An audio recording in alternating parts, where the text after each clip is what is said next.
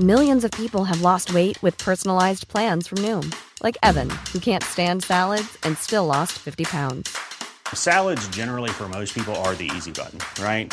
For me, that wasn't an option. I never really was a salad guy. That's just not who I am. But Noom worked for me. Get your personalized plan today at Noom.com. Real Noom user compensated to provide their story. In four weeks, the typical Noom user can expect to lose one to two pounds per week. Individual results may vary.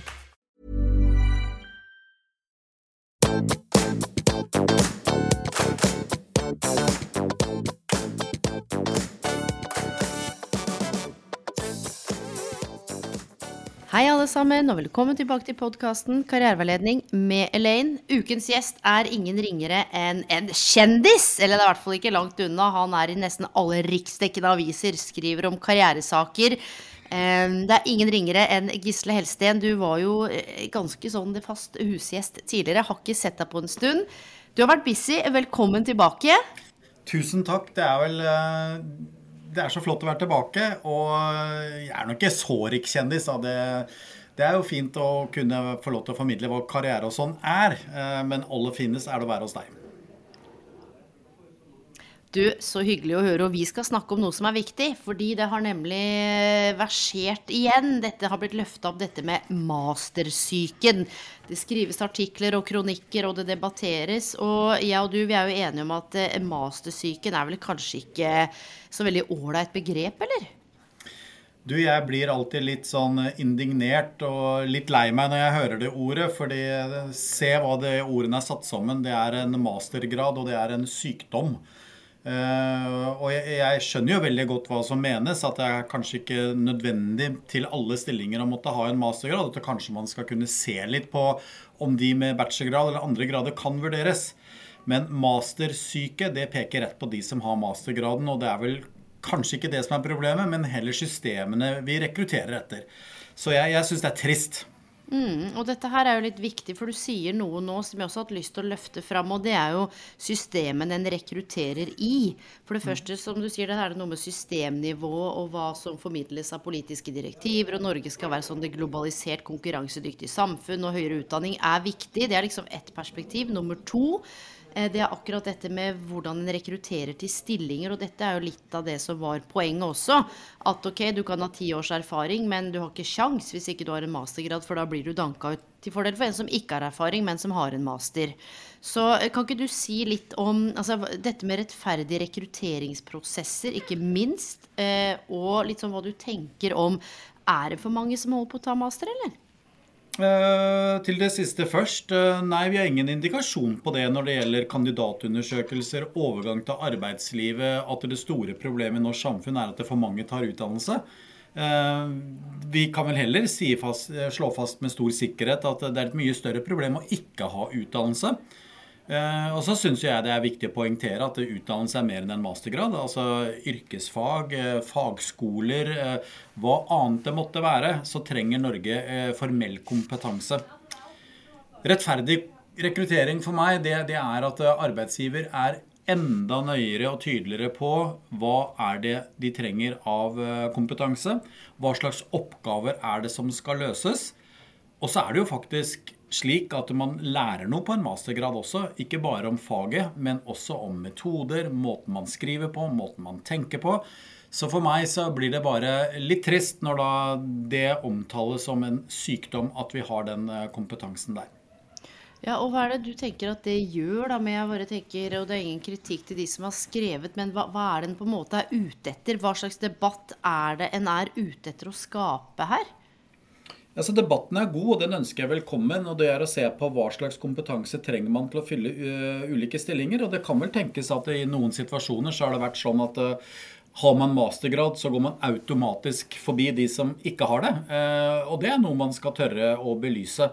Men så er det også slik da, at da må vi ikke peke på de som kanskje er i utdanningsløpet nå, som har tatt noen ganske store valg med å investere i en mastergrad. Og når man da leser at uh, ledende personer innenfor norsk samfunnsliv sier at uh, dette er en feil vei å gå, at vi lider av mastersyke, det er jo å sende et signal til noen som har tatt et valg uh, som jeg mener er litt uheldig. Mm. Og i forbindelse med denne episoden her, så har jeg jo både snakket med mange, og jeg har også lagt ut eh, en liten sånn Q&A. Og noe av utfordringen som også mange studenter står i, det er litt denne problematikken her. Når en har gjort en bachelor, eh, så er det mange som føler at de må ta en mastergrad for i hele tatt få innpass. Hva vil du si til de? Og det var ca. 60 stykker som liksom det kom inn på ulike måter. Men sånn, ja, jeg er egentlig ikke så gira på en master nå, men jeg må gjøre det, ellers har jeg ikke sjans i arbeidslivet. Det er en sånn etablert sannhet blant ganske mange studenter. Ja, Det er også ditt og like uheldig at det er en etablert sannhet. Fordi det er mange veier til mål, eh, og bachelorgrad er helt åpenbart en av dem. Eh, og det er ikke slik at man må kjøre tre pluss to år i løpet av en femårsperiode. Man kan gi seg med én bachelorgrad og få jobb på det. Det viser kandidatundersøkelser at man får jobb. Man kan kanskje ta to bachelorgrader eh, for å få en større bredde i kompetansen, ikke nødvendigvis en større dybde i kompetansen. Og så er det jo viktig å holde to tanker i hodet samtidig. Og vi har jo hatt regjering på regjering som har kjørt det samme budskapet om livslang læring. Og det betyr at all formell utdannelse må ikke tas med en gang. Det kan gjøres det, og da er det jo, slik jeg ser det, systemene må finne ut hvordan de håndterer den massen som er, og lytte til de behovene og hva som er riktig for søkerne der de er, istedenfor å peke på og sette grupper opp mot hverandre. Eh, bachelorgrad og mastergrad er ingen motsetning eh, til hverandre som skal nødvendigvis slåss mot hverandre. Det er noe vi trenger, og de må heies fram alle sammen. Ja, og det her tenker jeg er viktig også i en forlengelse av, og særlig da ja, du har jo lest uhorvelige mengder stillingsannonser. Vi har jo lagd stillingsannonser, vi har jo rekruttert. Og noen av de stillingsannonsene eh, Gisle Helsten som ligger ute, det er jo til å bli litt svett av. Ja, svett er ett begrep, men uh, blir man alltid klokere? Det er jo også noe som jeg lurer på. fordi Eh, jeg har lyst til å trekke fram at det er noen arbeidsgivere som er veldig gode til å skrive stillingsannonser, og så er det noen som har en del abstrakte begreper som er litt vanskelig å forholde seg til. Og da er jo spørsmålet hva skal jeg egentlig gjøre i denne oppgaven? Mm. Det som jeg tror kanskje mm, arbeidsgivere skal være enda flinkere til, og her gjøres det mye bra profesjonelt arbeid i diverse HR-avdelinger, altså det, det går framover i Norge også, men det å være veldig tydelig på å tørre å utfordre gamle, etablerte rutiner eh, Se om vi kan ansette andre, virkelig åpne døren og se kan vi prøve dette. Eller gjør vi bare sånn som vi har gjort før, og tenker egentlig ikke gjennom hvorfor vi må ha en mastergrad eller en bachelorgrad. Yes, og det er bare akkurat det jeg har lyst til å plukke opp. Altså, tror, og det tenker jeg litt av det der hvor den mastersyken berører noe skal være en viktig del av debatten. Hvorfor? Altså, hva, hva, skal den graden brukes til? Hva skal den erfaringen brukes til? At det blir tydeligere med denne masteren, så kan du gå inn og løse disse komplekse problemstillingene. For det var noen ferdigheter du også fikk under studiet som følge av. Um, og jeg tror det er det som er litt ullent når vi leser en del stillingsinstrukser. Og ja, det er sjukt mye bra, og det er fortsatt litt, litt som er siderumpa. Eh, hvor det er nettopp alle disse eh, egenskapene. Fremoverlent, agil, innovativ, utadvendt. Eh, sånn at halvparten av befolkningen tenker at oi, jeg er jo kjenner meg ikke helt igjen, så kanskje ikke jeg skal søke. Og alle disse arbeidsoppgavene, alle disse kravene, og hva som er må, og hva som er burde. Um, og du har jo bl.a. vært og snakket Hvor er det du valgte Du var jo holdt foredrag for 300 stykker. Ja, det var på eh, videregående skole i Oslo. Eh, det handlet ja. om eh, forberedelser til samordnet opptak for å prøve å forklare kompleksiteten i hva utdanningssystemet er. Yes. Og de valgene man skal ta etter videregående skole. Og for alle er det en gang ikke verken riktig eller lurt å velge mer utdanning med en gang. Det er en ganske stor overgang fra på en måte et rettighetsperspektiv man har hatt på fram til tolvårig utdannelse, til et mer valg eh, og selvstendighet på den veien videre. Og det betyr jo at her er det mange ting som skal tenkes på. Her er det mange valg som skal tas. Eh, og det aller viktigste er det er ikke et valg som låser deg fast resten av livet. Eh, det er ikke et valg du ikke kan justere og endre på, og det er mulig å gå flere forskjellige veier og endre litt kurs underveis. Så hensikten er på en måte å beskrive litt hva, hva er det som venter deg som nå skal søke deg videre, og hvordan kan du tenke for å lande et valg som er riktig og godt for deg. Du, og der er du inne på kjernen i at karrierevalg er ikke hogd i stein. Men masse studentundersøkelser og har blitt spurt liksom åh, jeg føler at jeg, Når jeg tar et karrierevalg, så er det setter jeg retningen for resten av livet. Litt den lineære tanken om ikke sant? utdanning og så jobb. Og poenget er da at i litt sånn der, vi er litt sånn individualistiske samfunnet. Du er din egen lykkes med, du har ansvar for din egen karriere. Og i det så har du liksom i frykten for å velge feil og presset for å velge riktig, i det så skal en navigere. Og har, vi har jo, møter jo masse fantastiske studenter og du, eh, som kanskje har valgt noe, men som kjenner at de burde ha valgt noe annet, men som sliter så sinnssykt med å gjøre omvalg fordi de veit hva de har og det er trygt. Det er ikke det de vil jobbe med, men så vet de at egentlig så er det det andre studiet de vil aller mest.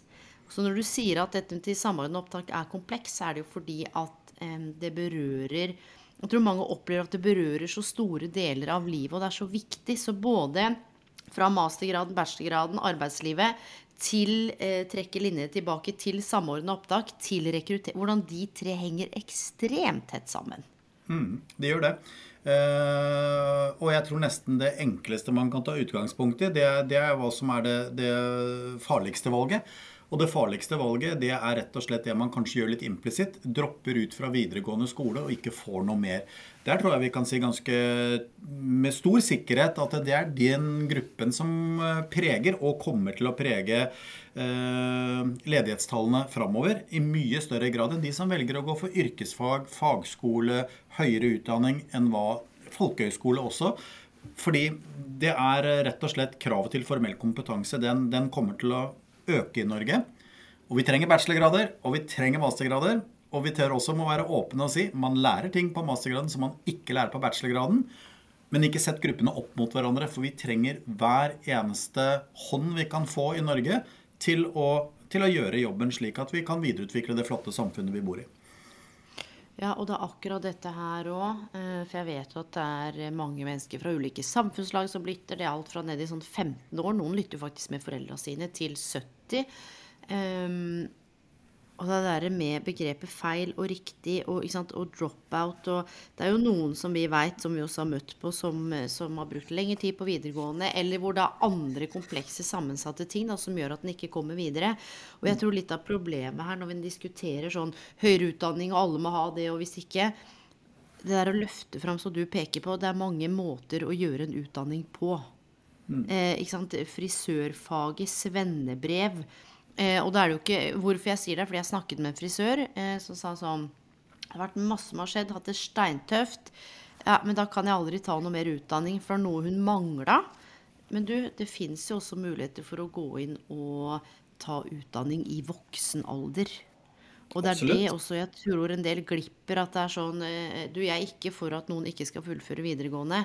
Eh, men det betyr ikke helt at det er stengte dører og gardina har gått ned. Det betyr at det kan være utfordrende, det kan ta lengre tid. Eh, at det går an å komme seg gjennom. Samtidig så viser jo forskning at fullfører en videregående, så er jo oddsen større for at det er positive ringvirkninger ut i arbeidslivet og på andre arenaer i livet. Og dette her er så svært tema, Gisle. Og jeg bare tenker mm. sånn til de som sitter og rekrutterer også, da. Og som vi veit, herregud, livet skjer jo. Mm. Ja, da, også bare for å presisere bare lyst til å presisere det, at når jeg sier drop-out fra videregående, så er det selvfølgelig å fullføre eller gå videre på et yrkesfag. Det, ikke, det var ikke ja, ja. det jeg mente. Det var Nei, at man gjør noen det. ting uh, som er poenget. Yes. Ja, og det var det jeg skjønte. Jeg ville bare fremheve det sånn at det kom fram tydelig. Jeg tenker mm. også at du har jo holdt på litt uh, med sånne rekrutteringsprosesser. Altså det har jo vært noen inne og snakket litt om rekruttering. Særlig Aon, kan du jo lov til å si mm. det. Um, de gjør jo ting på en litt annen måte. Kan ikke du bare dele noen tanker om det du har fått med deg fra hvordan de nå rekrutterer, og hvorfor det kan være viktig med tanke på mangfold, og ikke, ikke ekskludere en del av de tingene der, da? Jo, det er kjempespennende det som skjer. Eh, og det arbeidet som gjøres innenfor nytenkning og rekruttering. Og det vi kanskje det de jobber best med, det er å få til eh, det som kalles for rettferdig rekruttering. Eh, og det betyr at det er kompetansen din som skal telle, ikke andre variable som etnisitet, kjønn eller hva annet det kunne være.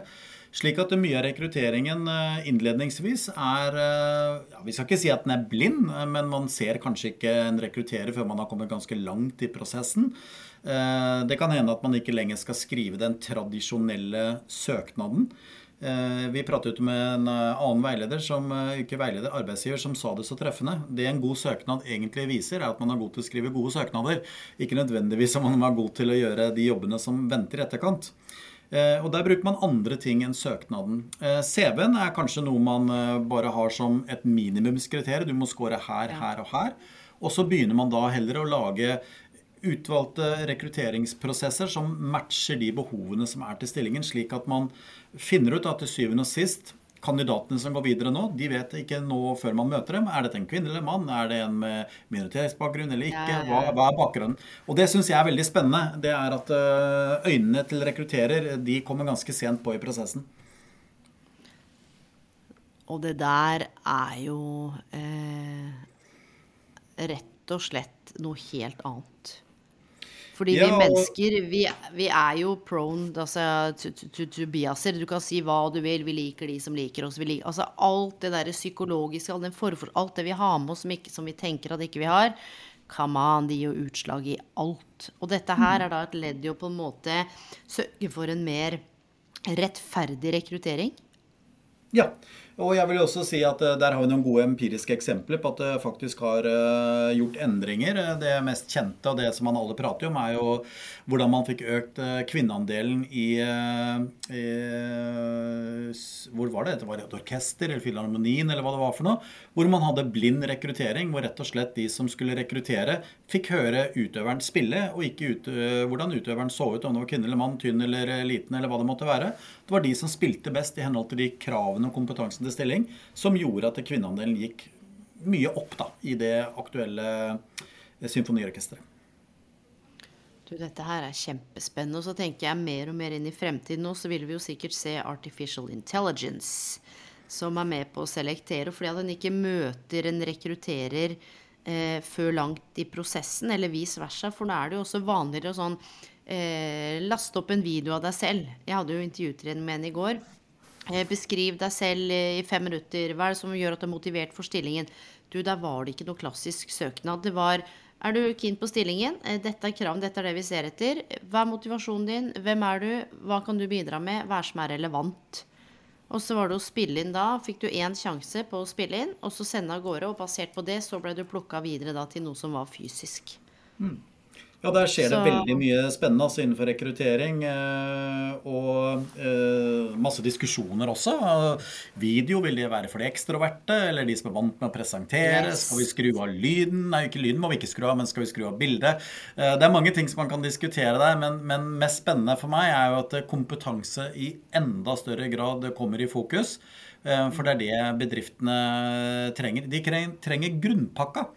Det, og det er også litt viktig å ta med seg. De trenger en grunnpakke av uh, utdanning uh, for å kunne gå videre. For veldig mye opplæring av nyansatte den er jo ikke ferdig når du kommer fra, fra en utdanningsløp. Den begynner når du begynner i bedriften, men så trenger de en, en helhetspakke da, de kan bygge videre på. Mm. Og jeg tenker det er en fin måte å, at vi beveger oss mot slutten. Men det har kommet inn ett spørsmål til, og det, var litt, vi var litt inne på det i stad. Altså må man ta en bachelor eller master? Um, og så er det en som, eller det er to som skriver sånn Jeg har lyst til å ta en master, jeg er i full jobb etter bachelor. Kan jeg spørre om arbeidsgiver vil eh, betale masteren? Altså Det er tydeligvis på en av skolene hvor det er betalt. Og hvordan gjør jeg det? Altså Gagner det bedriften, eller skal jeg si opp og så ta en master? For det er det flere som har spurt om. Skal jeg si opp faste jobben min og begynne på en utdannelse, eller skal jeg involvere lederen? Hva gjør jeg for noe? Mm. Og her er det jo litt kjedelig for lytterne, det svaret jeg kom med nå. Det, det, vil være individuelt i hvert tilfelle. Jeg kan ikke sitte her og si 'gjør sånn' eller slik. For det er de som skal leve sine liv. Men jeg har en grunnleggende tro på at å åpne spørsmål kan være en veldig fin vei å, å, gå. Og noe av det aller viktigste for arbeidsgivere, og noe av det som de jobber mest med, det er å beholde talentene sine. For det koster ganske mye penger å lære opp noen, og hvis de forsvinner ut døra fordi det fins bedre muligheter andre steder, så er det en stor kostnad. Men istedenfor å spørre direkte kan du betale for utdanningen min, det er veldig direkte og hardt, så går det an å stille et åpent spørsmål. Kan du fortelle litt mer om hva slags karriereutviklingsmuligheter det er? Hva slags tanker er dere om etter- og videreutdanning? Hvordan gjør vi det i denne bedriften her? Fordi da begynner man kanskje å stusse litt. Er det et spørsmål? Det, må jeg tenke på det? Eller så sier du vet du hva, det er viktig for oss å investere. For den som ikke lærer mer gjennom hele karrieren, vil også bli, eh, falle litt av kompetansemessig. Så det kan veldig gjerne tenkes at det er muligheter eh, for å kunne få støtte til en mastergrad, kanskje i form av fri. Eh, det kan være mulig at de betaler halvparten, men ikke alt. Mm. Eh, Det kan hende at de krever at eh, dette må du gjøre på helger og i ferier, primært, og på kvelder. Men igjen, dialog. Og Mm. jeg tror at det er et veldig viktig signal å sende. Det er at arbeidsgivere er veldig vant til å prate om kompetansehevingstiltak. Det er ikke noe som kommer som en, ja, hva skal vi si, en kjempebombe på dem, at de ansatte har lyst på mer kompetanse. Jeg tror mange arbeidsgivere til og med vil klappe for det. Ja, for det er litt sånn lønn og kompetanseheving eller sånn Oi, kan jeg det? Og så, som arbeidstaker så skal du gå og be om det.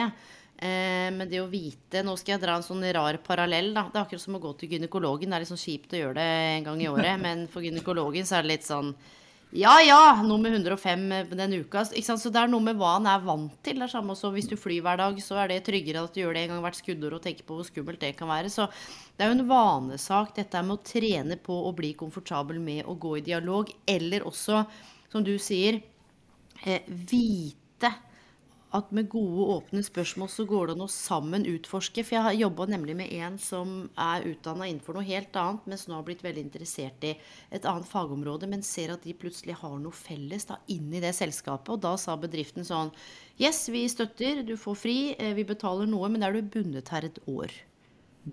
Og da vil vi på en måte ha noe Så, så det er mange muligheter, og derfor jeg tenker sånn? Bachelor, master rett etter hverandre. Jeg tok jo en master eh, ti år etter jeg hadde tatt en bachelor. Nå tok jeg riktignok en god del studiepoeng innimellom der mens jeg jobbet. Eh, men det, jeg tror det jeg har lyst til å få fram, at det er mange måter å gjøre dette på. Det er ikke én vei, som du sa, som er riktig for alle. Og jeg tenker vel Ja. Jeg tror det kanskje det viktigste budskapet jeg kan gi både til de som er på videregående, og de som vurderer å ta etter- og videreutdanning, eller hvor man måtte være, lag en plan. Tenk åpne spørsmål, og finne ut hva er det som er absolutt deadlines som jeg må forholde meg til, og hvordan kan jeg forholde meg til valgene når jeg har tatt de deadlinesene. F.eks. når det gjelder søking eh, til samordna opptak, så er 15. april eller der omkring dato den er, den er avgjørende. Da må du ha sendt av gårde noe. Men du trenger ikke å bestemme deg før du kommer ut i juni, hvor du får kanskje gjort mer research og sett på det, og kanskje ender opp med at du også da heller har lyst til å jobbe som du også har en mulighet til. På samme måte vil det være med etter- og videreutdanning. Ha en plan. Når passer det i livet?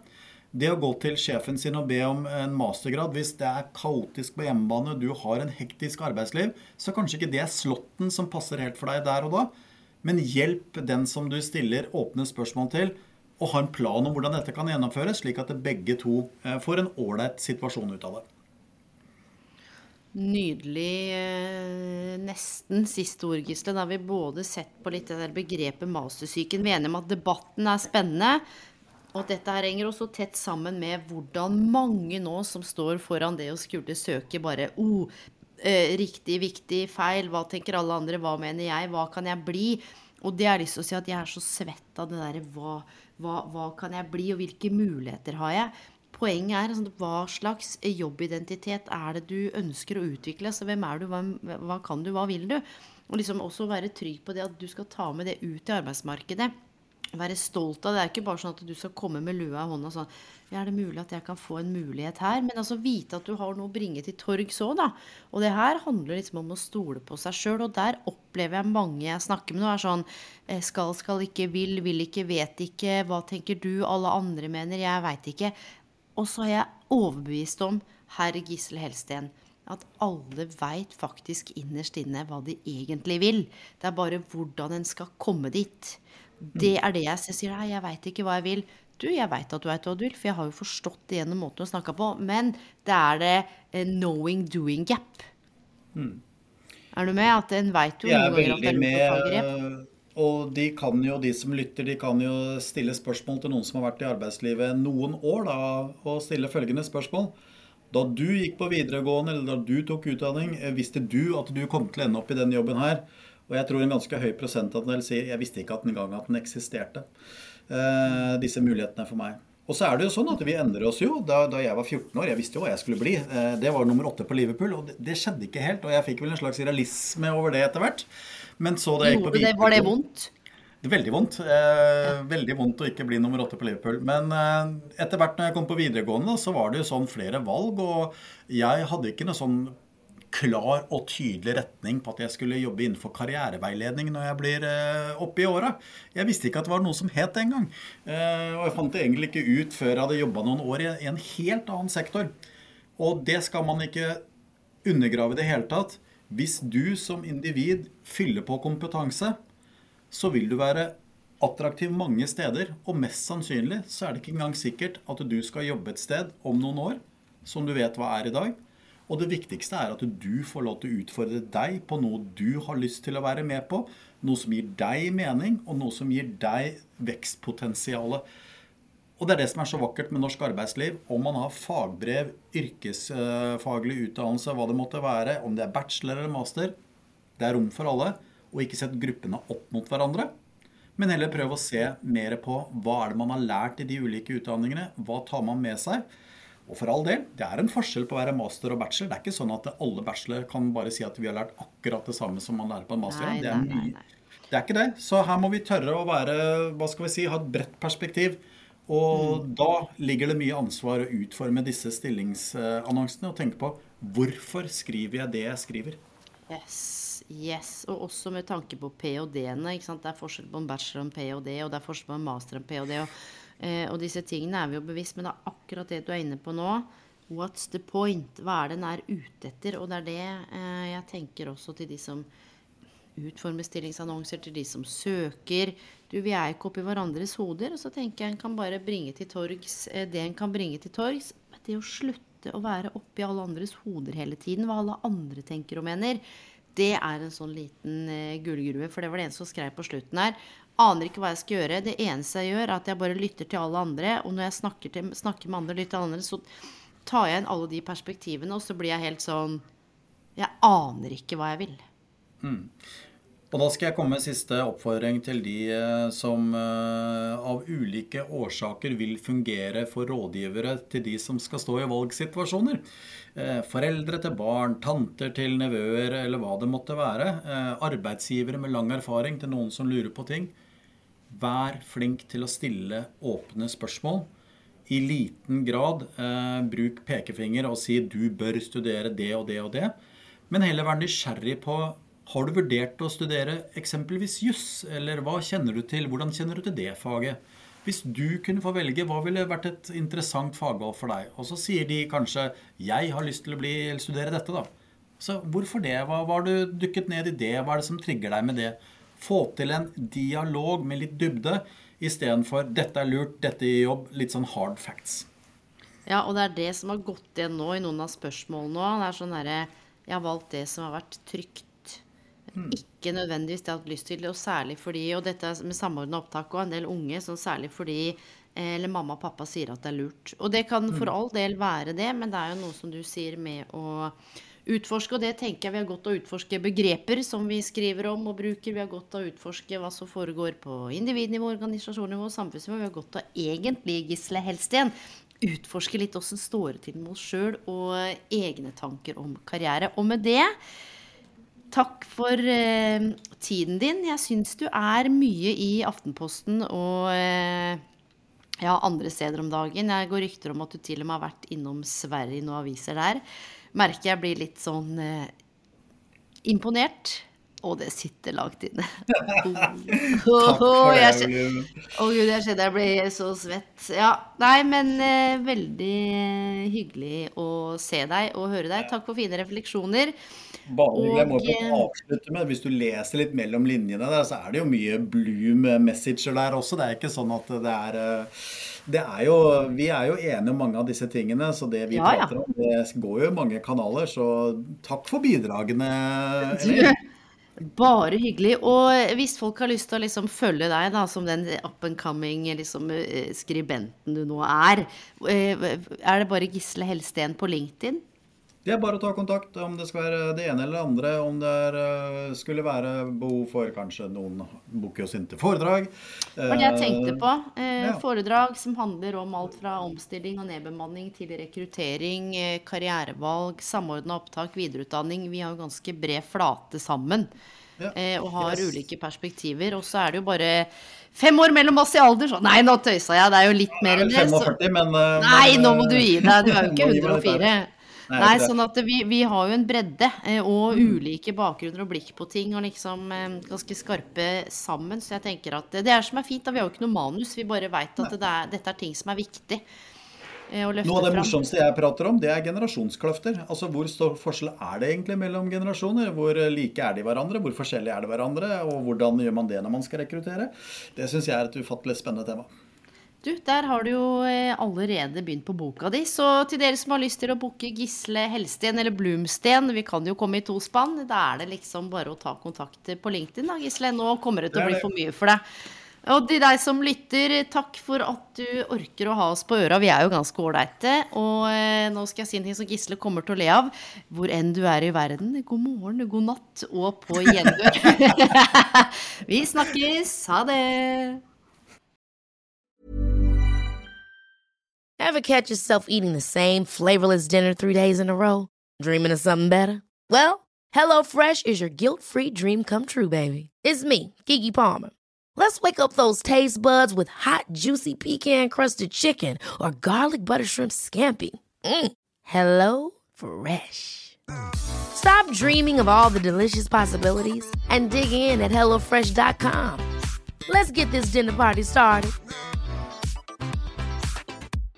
My business used to be weighed down by the complexities of in person payments. Then, Tap to Pay on iPhone and Stripe came along and changed everything. With Tap to Pay on iPhone and Stripe, I streamlined my payment process effortlessly. Now I can accept in person, contactless payments right from my iPhone. No extra hardware required.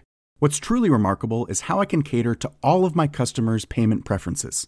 Whether they're using cards, Apple Pay, or other digital wallets, Tap to Pay on iPhone and Stripe ensure a smooth checkout experience every time.